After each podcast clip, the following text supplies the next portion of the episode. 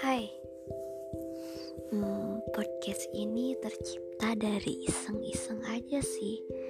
Karena sering ngobrol Tapi jarang kan ada yang bener-bener nyambung kalau diajak ngobrol.